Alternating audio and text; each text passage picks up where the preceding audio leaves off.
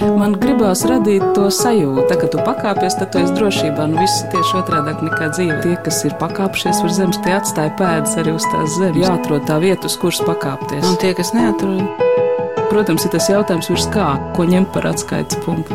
augstāk par zemi. Augstāk par zemi. Augstāk par zemi.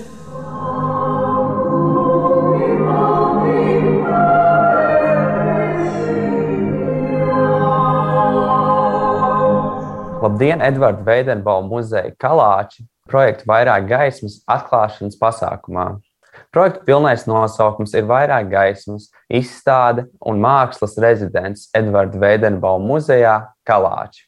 Jaunieši būvē harmonisku un taisnīgu sabiedrību. Esiet sveicināti!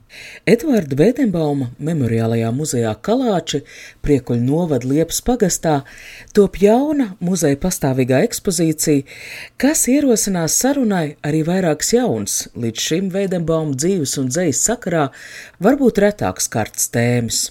Un viena no šādām tēmām būs saruna par jaunu cilvēku mentālo veselību. Kā tikt galā ar trauksmaino pasaules uztveri, galējībām, kā pārvarēt šķietamo neiederīgumu sabiedrībā. Nu pat izskanējušajā ierakstā jūs dzirdējāt, kā nu pat 12. maijā Eiropas mentālās veselības nedēļas ietvaros tieši saistē tika atklāts projekts Vairāk gaismas. Kalāčos jau kopš pagājušā rudens jauni cilvēki tiekas, lai sarunātos par Eduardu Veidenbaumu dzēju.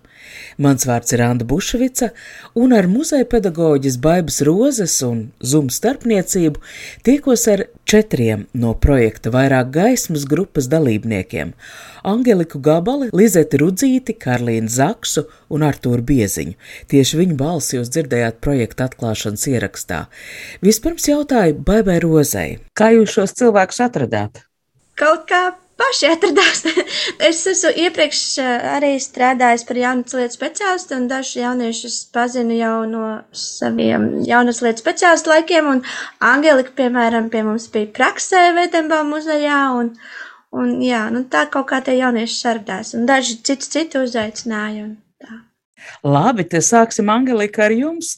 Praksē tas nozīmē tā kā vasaras praksi. Jā, jo es mācos Latvijas kultūras koledžā par video un fotoproducenti. Un tad, jā, mums vajag sameklēt praksi, un tad ieraudzīju muzeju, un man likās, ka tā ir tā iespēja, jo man jau kopš vidusskolas ir paticis Vēdenbaums, un uh, tā bija lieliska pieredze. Karlīna Zaksa mācās Rīgā dizaina vidusskolā. Uz kalāčiem cēs pusē viņa devusies gan tāpēc, ka vecāku mājās esot izaugusi pie grāmatu plauktiem, gan arī tāpēc, ka jau iepriekš pazinusi baibu. Bija dažādas aktivitātes, kur mēs varējām analizēt dzēju un vairāk izteikt savu viedokli, kā mēs to redzam uh, no mūsu puses. Un tieši šajā gadsimtā Edvards bija jaunietis uh, citos laikos nekā mēs. Um, jā, sveiki, jūs dzirdat mani, vai ne? Jā, Esmu Lizeta, es mācos Vecpēdāgas vidusskolā, 8. klasē. Runājot par Veidenbaumu, es vispār ļoti, ļoti nesen iepazinos ar Veidenbaumu un viņa dzēju. Jā, esmu divreiz bijusi Veidenbauma muzejā tikai. Un jā, man ļoti, ļoti iepatikās viņa dzēja. Sveiki, mani sauc Artūrs. Es mācos Cēlons gimnājā, 12. klasē. Un Veidenbaumu es laikam iepazinu skolā.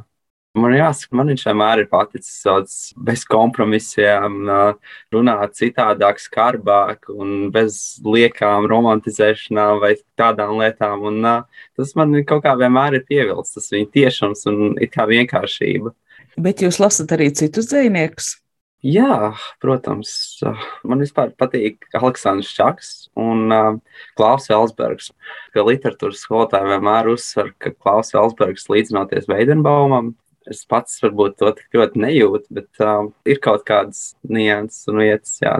Tas galvenais uzsvars projektā ir tas, ka mēs uz Veidenbaumu skatāmies ne tikai kā uz dzinieku, ka mēs mēģinam atrast tādus jaunus skatu punktus, kā uz viņu paskatīties. Un, un tāds viens skatu punkts ir, ka viņš bija jauns cilvēks. Viņš vienmēr mūžīgi būs jauns, viņam nekad nebūs vairāk par 25 gadiem. Un, protams, bez tā, ka viņš eh, rakstīja dzēju, viņam bija arī svarīgi tas, kas notiek apkārt sabiedrībā. Viņš rakstīja arī šos savus zinātniskos rakstus. Tad šajā jaunajā ekspozīcijā būs atspoguļoti dažādie viņa dzīves aspekti. Veidenbaums dzēnieks, Veidenbaums kā modinātājs, kas uh, seko līdz tam, kas notiek kas vēlās, lai sabiedrība mainās uz pozitīvo pusi, un arī Veidenbaums cilvēks. Veidenbaums cilvēks, kurš veido attiecības ar savu ģimeni, ar saviem draugiem, ar, ar līdzcilvēkiem, cik viņam tas veiksmīgi var būt, vai nevienmēr veiksmīgi izdodas. Mēs tiekamies, mēs runājam par dzēju. Pirmajā reizē mēs vairāk pievērsāmies tieši varbūt vairāk tādam Veidenbauma personības aspektam, kā viņš jutās, kādas emocijas viņā valdīja, kas viņam bija svarīgi, kas bija vērtīgi. Un arī turpmākajās aktivitātēs mēs gribam nu, tajā īsajā dzīves stāstā atrast visu, no kā mēs varam mācīties, no kā jaunie cilvēki var mācīties un mācīties par sevi, par uh, savu dzīves sajūtu, par sabiedrības procesiem, par mentālo veselību runāt. Un, un, un tad, kad izstāde ekspozīcija būs tapusi, tad jūlijā arī notiks šīs eh, mākslas rezidences, kur būs viens latviešu mākslinieks, viens norvēģu mākslinieks, un balstoties tajā, ko jaunieši savā ziņā būs atklājuši par Veidenbaumu, tad viņi kopā ar šiem māksliniekiem radīs kaut kādu jaunu mākslas, nezinu, formu vai kaut kas taps. Un, un arī eh, rudenī ir plānots, ka pie mums viesojās eh, Norvēģu teātris mākslinieks Mortens Bruns, kurš vadīs drāmas darbnīcas, kas būs vēl viens veids, kā mēs varam runāt gan par Veidenbaumu, bet arī attīstīt jauniešiem šīs dzīves prasmes, runāt, klausīties, dalīties, risināt kaut kādas attiecības situācijas. Par Edārdu Veidenbaumu memoriālajā muzejā Kalāča topošās pastāvīgās ekspozīcijas priekšvēsturi varam uzskatīt rakstniecības un mūzikas muzeja izstādi Eduards Veidenbaums neiespējamais dzēnieks, kas 2019. gadā visu vasaru viesojās Kalāčos. Literatūras zinātnieks Marijans Rižīs ir gan jau skatītās izstādes, gan arī vēl tikai topošās ekspozīcijas līdzautors. Kas būs šie priekšmeti, kas būs šie akcenti, ar ko šī ekspozīcija varbūt atšķirsies no iepriekšējās? Es domāju, ka šeit vairāk ir ne tikai pats Veidenbaums, bet Veidenbaums dažādu cilvēku skatījumā, viņa dzimtas skatījumā, viņa studiju biedru, draugu skatījumā. Šādā veidā veidojot tādu kā ne gluži vienu pašu veidenbaumu, bet tādu kā to vidi, to tīklojumu, kurā no Veidenbaums ir ieraugāms. 2018. gadā tā saukto melnrakstu izrādi piedzīvoja Viļa Daudzeņa, Mārtiņa Meijera un Jēkab Nīmeņa sagatavotā muzikāla poētiskā lekcija Veidenbaums un Veidenbaums divi brāļi. Izrāda turpmāk tiks spēlēt muzikas namā Daile, to var noskatīties arī teātras zip arhīvā. Vils Daudziņš bija veicis pamatīgu izpētes darbu, izskatot arī Kalāču muzeja fondus. Šī izrāda atklāja līdz šim mazāk zināmo traģiku, kaislības Eduarda un viņa brāļa Kārļa arī dzinieka attiecībās. Varbūt tādēļ, ka pati 19. gadsimta nogales dzīve ir ārkārtīgi intensīva un, un mainās, grūst vecie stereotipi vai uzvedības un uh, pasaules kārtības modeļi, un uh, lēnām, lēnām sāk dzimt jauni. Un šī dinamika arī nu, pašā skalāču mājās ir jaušama, kurā cīnās šī nu, henhūtisma iedibinātais ideālisms un reliģiozitāte ar šo zemniecisko. Un tu šo zinātnākāri, pasaules izzināšanas vai paplašināšanas zinātnākāri. Tur arī ir šīs attiecības, kurās vecākajam brālim ir jāpaliek mājās un jākļūst par saimnieku. Un savā ziņā jāsponsorē jāfinansē jaunākie brāļi. Te ir tā uh, milzīgā pretruna, kurā teiksim, tā, ka Kārlim ir jānoslāpē savi centieni, savi sapņi. Turpretī Edvardam ir tā iespēja tomēr. Tur jau arī ir, manuprāt, šī impulsivitāte, šī nu, iekšējā cilvēciskā pretrunība, no kuras arī dzimst šī lieliskā dzēja kurā nu, arī izlaužas ārpus šiem saimnieciskajiem, tīra aprēķina rāmjiem. Un, nu, un Kārlim ir šis smagums jānes. Jā, tādēļ arī šīs pretrunīgās attiecības starp brāļiem. Topošās pastāvīgās ekspozīcijas komanda apvieno pārsteidzoši dažādu jomu pārstāvjus. Bez muzeja pedagoģis Baibas Rozes, tā ir Kalāču muzeja vadītāja Andra Ķīse, mākslinieca Daca Džeriņa, projektu koordinē Inga Surgunte, taču iesaistīti ir arī dabas procesu pētniece Laura Dzelskalēja un pusauģu un jauniešu psihoterapeits Nils Konstantīnos, kuram jautāja, kā noritēja psihoterapeita darbs, konsultējot muzejniekus. Mēs daudz lasījām šīs biogrāfijas, ko muzeja darbinieki tā ļoti apgādāja man ar ļoti daudz informatīvā materiāla ar šiem laika biedriem novērojumiem.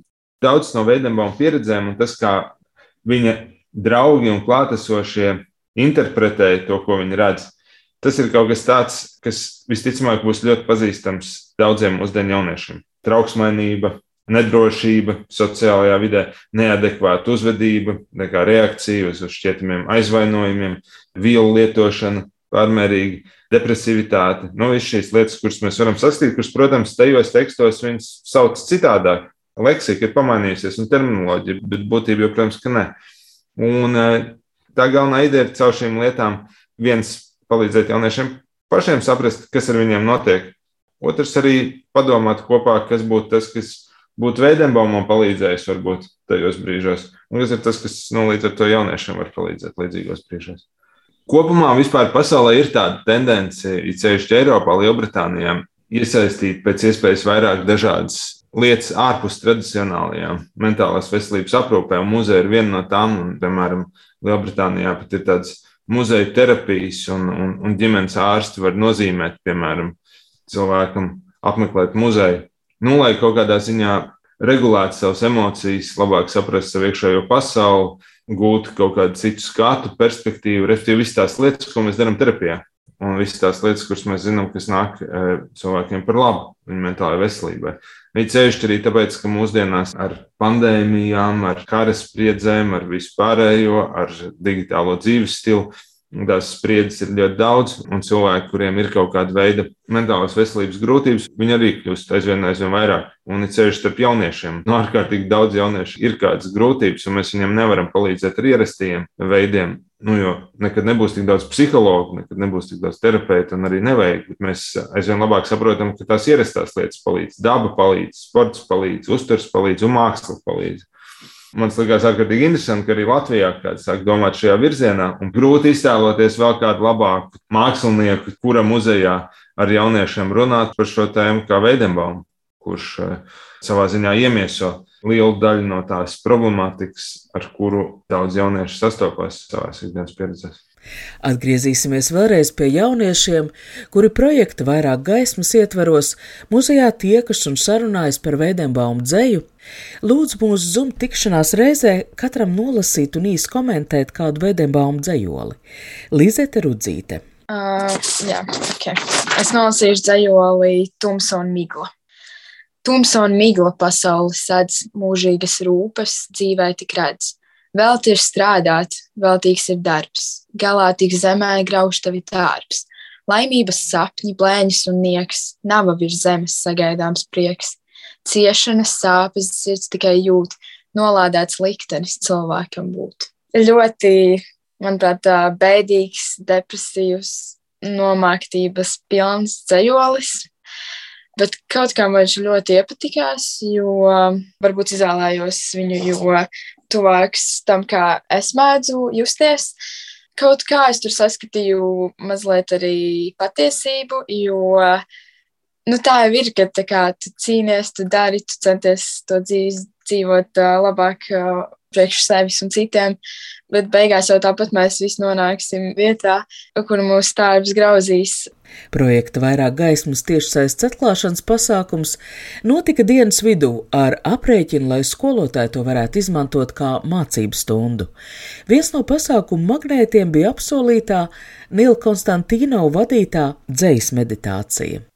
Un tas, ko es jums lūkšu izdarīt no sākuma, ir vienkārši ievilkt dziļu elpu. Ievelkat elpu, cik dziļi jūs varat, un tad izpūšat gaisu Uz ekrāna šī vingrinājuma laikā parādās rindas no dažādiem veidabaumu dzējoļiem, tostarp no Lizetes nu pat nolasītā. Mēs turpinām elpot, un katra izelpa mūs padara nedaudz smagākus, nedaudz mierīgākus, un mēs redzam ap sevi visas tās lietas, kas mūs šobrīd uztrauc, mūžīgās rūpes. Ar katru izelpu mēs ejam tam cauri un ejam nedaudz zemāk, un mēs caur šīm rūpēm redzam tādu tumsu, kā tumsu miglu, un caur miglu tāda caurspīdīga, un palēnām sāk iespīdēt kā gaismas stariņi. Un mēs jūtamies mierīgi, labi. Cik atšķirīgs tagad ir šī dzējoļa lasījums? Tajā parādījusies virzība, nemiņas vairs no depresijas. Es labāk guļu puķēs. Un tad katrs elpas vilciens mūs nes nedaudz vairāk uz augšu. Mēs atstājam sevi pašu guļam pļavā, mēs ieelpojam, izelpojam un ceļamies uz augšu. Es mēģināju šādām acīm paskatīties uz Vēdenbaumu dzēju. Vai varētu būt tā, ka dzēja ir tā, kas attaisno, atgriež prestižu, nu, pieņemsim, trauksmainībai? Ja tas izpaužās dzējā, ja rezultāts ir šāds, tad tas vairs nav nu, nobadāms ar pirkstiem tik viennozīmīgi. Nu, trauksme kā izējumateriāls dzējai šajā gadījumā tā ir laba lieta, ko paturēt prātā, ka visām šīm emocijām, arī negatīvajām, ka tām ir kaut kāda nozīme. Un ka tas nav kaut kas tāds, no kā mums ir vienkārši pēc iespējas ātrāk jāatbrīvojas, uz ko varbūt nu, mūsdienu laikmets savā ziņā aicina. Jebkuru emociju mēs uztveram līdzīgi kā galvas sāpes, kuriem pretī ir kaut kāda tablete vai terapija, kas to ātri palīdzēs atrisināt. Bet jā, droši vien, ka Veidenbauma dzēja palīdz saprast, kas stāv aiz šīs trauksmes un kā to iespējams transformēt. Droši vien tam pretī ir arī otra puse, jo Veidenbaums bija stipri mocīts cilvēks Un mēs redzam, ka šīs lietas var nodarīt diezgan liels mokas, iedzīt diezgan tādos nu, ciešanu pilnos dvēseles stāvokļos, kurus viņš arī apraksta. Droši vien tā lieta, ko mēs varam domāt, kas varbūt pietrūka, vai mēs varam nedaudz pafantazēt pie kāda veida apkārtējo, varbūt citādas reakcijas vai citādi atbalsta. Viņa dzīve būtu varējusi, nu, teiksim, būt nu, viens ilgāk, bet droši vien varbūt arī nedaudz mierpilnāk. Paldies! Varam iet tālāk, Karlīna! Jau ziedoņa vēsmas no dienvidiem plūst, jau cīruļi skaļi ciet gaisā. Drīz pēdējais ledus pa pakalniem kūst, un ziedonis puķis jau kaisa. Lai noveļas katram skumības sloks, lai sirdīs smeļ līksmības sauli. Priekš bēdām vēl laiks ir, jo ātrāk kā koks, kas zaļo mums nobalēs kauli. Kā spārnos skrien stundas, skrien skaudīgais laiks, un drīzi pienāks tas brīdis, kad redzēs mūsu koķitus ūdens staigs un beidzies būs dzīvības sprīdis. Tad, kamēr vēl jaudība dzīslās mums rit, lai jautrības neļauj, kad miršanas tumšajā stundreiz sit un mieru, lai varam tad steigties. Man personīgi Edvarda dzējā vienmēr piesaista tā filmas ainai līdzīgā bildīte, kas tiek uzpurta un uh, kaut vai ir runa par nāvi, tā vienmēr būs ļoti skaista. Un uh, vēl viena lieta, kas uznīst, kad es lasu, varbūt Edvards Ceļu, ir um, tas, kā viņš aicina mūs apskatīties apkārt, varbūt dabā, ka tagad uh, grāmatā savu pienenes un uh, ārā skaļi dzied putni. Varbūt kāds no mums to nebija pamanījis. Vienmēr tomēr nāk atmiņā, ka pat nāves priekšā Vedenbaums saglabā šo pilno apziņu un to savu spēju koncentrēties un strādāt. Jo tad viņš, kā viņš tur bija teicis, ja precīzi necitējuši, kad viņš draugam saka, nu, ka viņš apgūst kādu valodu, mācās kādu valodu, un draugs viņam prasa, nu, vai tad jau gluži nav, nebūtu tā kā par vēlu, bet viņš saka, nu, varbūt, bet ja nu tomēr, tad šis laiks nebūtu lieki zemē nomests. Vai cik tas labi skan šobrīd, Jā. kad mēs visu laiku kaut kādā vai postu vai pirms. Literatūras zinātnieks Marijans Rīžīs. Viņam es jautāju, kas bija tas jaunais, tas modernais, ko Vedenbaums ienes savu laiku dzējā? Viņa pozīcija bija tāda, ka viņš sevi neuzskatīja par dzinieku. Tātad viņš drīzāk sevi uzskatīja, ka viņš būs zinātņu vīrs. Bet uh, dzēja viņam bija nu, pilnvērtīga viņa eksistences, jeb, jeb esības izpausme. Tātad Pirmkārt, viņš ienesa šīs eksistenciālās filozofiskās tēmas, turklāt nevis atsvešināti, bet ārkārtīgi personiski izdzīvotas. Viņš ienesa, manuprāt, tieši šo autentisko varoni. Var jaust, ka tas autentiskais es, tur, kur viņš atļaujas būt apcerīgs un savā ziņā līrisks un varbūt pat eh, zināmā mērā tāds, kur šī bezcerības nots ieskanās, kur viņš šo bezcerības noti nepārvērš sarkasmā.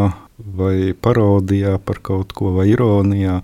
Tur, kur šī ironijas kārtiņa ir noņemta gandrīz nost, un tas ir šis autentiskais es. Otra daļa ir, kad uh, nu, šis ironijas un pašironijas princips Vēdenbaumam, šīs modernās ironijas princips, pirmo reizi tā īsti pie Vēdenbauma parādās, kur ironija jau ir kā skatījums uz pasauli, kas ļauj cilvēkam dzēsēs distancēties vienlaikus no eksistenciālajām situācijām. Var teikt, ka viņš personiski savā dzējā lauza šo sentimentālo tradīciju nu, viņš var tā teikt, ienesa modernā cilvēka un modernās dzējas gan problēmu kompleksu, gan arī šo poētiku, šo spēju īsā formā dabūt to eksistenciālo atvēzienu, šo domas un emociju sakausējumu. Artūrs kā sev aktuālo ir izvēlējies padomlaiku skolas klasiku. Mosties, mosties reiz svabadais gars, taču pirms šis dzējols izskan, literatūras zinātnieka Marijana Rižī skaidrojums, kāda vieta sociālā taisnīguma izjūtai bija Veidenbauma kopējā pasaules uzskatā tā neatklājas tik ļoti tieši tajā, ko viņš ir rakstījis. Viņš vairāk uzsver šo prāta, šo zinātņu pusi, kaut arī tur parādās, ka viņš it kā iziet cauri tai, tai savai zināšanai un tai, ko spēja dot tā laika izglītība. Viņš it kā iziet tam cauri. Un, un viņš nokļūst tajā otrajā pusē, kurā viņš pēkšņi ierauga, ka ar to nepietiek. Cauri šīm zināšanām viņš pēkšņi ierauga šo pasaules mehānisko, kaut kādu bezjēdzību, bez šī dievības gara. Un tādēļ, manuprāt, arī parādās vairākos dzējoļos šī jābūtība, ka šī eksistences jēga pastāv šajā centienā veidot kaut kādu jaunu pasaules modeli. Un tur arī parādās šis dievības garš, kurš izpaužas cilvēkā pašā. Un tad arī kļūst jēdzīgi. No šāda aspekta kļūst daudz jēdzīgāka un personiskāk pārdzīvojama arī šī nu, sociālais patos, kas ir viņa dzējā.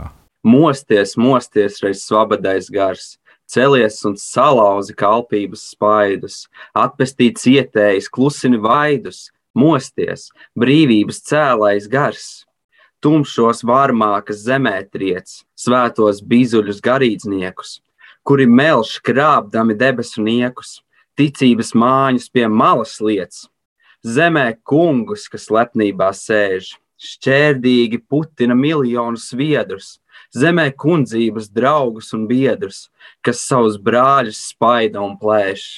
Man viņš ļoti patīk, jo man viņš uzreiz ir tāds tā kā, motivācija, tāds liek modelizēties, kaut ko darīt, mosties, mosties, ar tur mosties. Ir jauns rīts pienācis, tev jāceļās no gultas. Arī mūsdienās šī sociālā tēma par to, ka mums ir tomēr jācīnās par savām tiesībām, ka vēl projām ir šis, daļai šīs pašas problēmas, par kurām Veidenbaums runā šajā dzējolī, ka viņas jau nekur nav pazudušas. Varbūt viņas ir nedaudz citādi, nedaudz uh, nomaskējušās, bet uh, būtībā jau mums ir tāpat katru dienu jāizcīna šī cīņa. Mums ir jācīnās par savām tiesībām un savu brīvību. Vai Eduarda Vēdenbauma vētīšana, rokoties viņa biogrāfijas faktos, caurskatot laika biedru liecības, nav pārlieka iejaukšanās privātumā? Uzdod šo jautājumu Nilam Konstantīnovam arī tāpēc, ka viņš ir ne tikai psihoterapeits, bet arī rakstnieks. Kāda ir jūsu paša attieksme? Teksts ir teksts, un personībai ir vai nav nozīme, un vai šāda pieeja kaut kādā veidā nepazemo dzinieku piemiņu? Manuprāt, ir pilnīgi neprātīgi domāt, ka teksts var pastāvēt bez autora, vai ka mēs varētu lasīt tekstu, abstrahējoties no autora personības. Protams, ka mums vienmēr būs ļoti ierobežots priekšstats par to, un tas būs izkropļots priekšstats. Manuprāt, katrs autors, kurš raksta, viņš savā ziņā nodod sevi publikas iepazīšanai līdz ar saviem tekstiem. Un tam, protams, ir savi iegūmi un savi mīnus, un mēs riskējam ar to, ka kāds par mums atklās kaut ko tādu, ko mēs varbūt negribētu pateikt. Varbūt kas atšķir pieaugušāku personību, nobriedušāku personību no tādas bērnišķīgākas. Bērniem ir raksturīga šī iezīme dalīt, it kā pretpolos, labs, slikts. Mēs vairāk pieaugam, jo mēs saprotam, ka šīs lietas nav tā nodalāmas, un ka ikvienā cilvēkā ir kaut kas ļoti pozitīvs un ikvienā ir kaut kas negatīvs, un mēs mācāmies to pieņemt. Un man šķiet, tādā ziņā veidojums ir ļoti labs piemērs, ar kuru patiesībā jauniešiem arī šo lietu mēs varam rādīt un mācīt par to, kā vienā cilvēkā var sadzīvot ļoti daudzas lietas. Un tas tāpēc, ka viņā ir kādas problēmas vai negatīvas iezīmes, tas nenozīmē, ka šis cilvēks ir slikts vai pazemots. Tieši otrādi mēs līdz ar to viņu iepazīstam kā tādu krāsaināku, bagātīgāku, tādu taustāmāku tekstūru viņam piešķiram caur šo. Nostrais skumību sviedīšu tumšo, beigšu pēc nāves reiz ilgoties. Iesākšu ticēt, ka mērķis ir dzīvei. Gan tad nāks spēks, gan labāk ies. Tumšajā zilumā spīgļo zvaigznes, mūžīgā kārtībā kustas to bars. Cilvēka likteņa drūmajos viļņos valda bez rimšanas dievības gars. Īs gan izrādās dzīvības sprīdis, tuvi ir kopā, šūpulis kaps. Tomēr no svara ir katrs brīdis, Dzīve ir laba, kad mērķis tai labs. Tādēļ projām skumību bēdas. Strādāšu, centīšos, vēl man ir laiks, labošu pagātnes riebīgās pēdas. Laime nāks atpakaļ, priecīgs būs svaigs. Es izvēlējos šo dzējoli, jo viņš man likās tāds ļoti cerīgs. Viņš kaut kā vairāk rezonē ar to, kam es eju cauri, jo man liekas, pārāk ilgi esmu bijis kaut kādā bedrē, un es cenšos vienkārši saprast to labo pasaulē un ka mums ir jācenšas domāt pozitīvāk un uh, saskatīt tās mazās lietas, kas padara pasauli labāku. Un arī tas, ka mums ir jānosāda kaut kāds mērķis, tā kā pilnīgi jebkas, kaut vai būt laimīgam un censties pasauli redzēt citādāk, jo ir tik viegli būt nospiestam un saskatīt visur visu slikto un drūmo. Bet, ja mēs pagriežam to skatu punktu otrādāk, mēs arī varam ieraudzīt tās labās lietas. Paldies par jūsu dzējoļiem. Baiba, nu jums kā muzeja pedagoģa ir nu, jāsaka tas galvārds. Ko jūs būtu teikusi, ja šī būtu tāda kārtējā jūsu grupiņas tikšanās? Es būtu teiks paldies, ka viņi dalās, jo man liekas, ka tā ir viena no lietām arī, ko mēs vispār gribam jauniešiem pateikt, ka muzejs ir droša vieta, kur tu vari atnākt un ne tikai iemācīties kaut ko par veidembām, bet tu vari dalīties ar to, kas tev ir svarīgi. Teiksim, Artūram ir svarīgi, ka viņu modina veidembams, vai Angelikai ir svarīgi tā daļa, ka veidembams saka, jā, ka vajag novērtēt to īso dzīves sprīdi, un man ir prieks, ka viņi māk dalīties, ka viņi var pateikt un padalīties ar to, un ar to veidembām runāt paši īstenībā par sevi jau īstenībā. Katrs jau stāsta par to, ko viņš tajā veidembāmā ir redzējis ar memoriālā muzeja kalāči, jaunās ekspozīcijas tapšanā iesaistītajiem muzeja pedagoģi Baiba Rozi, projektu vairāk gaismas grupas dalībniekiem Angeliku Gabali, Lizeti Rudzīti, Karlīnu Zaksu un Artūru Bieziņu, literatūras zinātnieku Marijānu Rīšiju, psihoterapeitu Nilu Konstantīnovu, sarunājās Anda Bušvica, šī raidījuma skaņoperators Valdis Raitums. Projektu vairāk gaismas aktualitātēm varat sekot Kalāču Facebook lapā, kā arī Instagram kontā.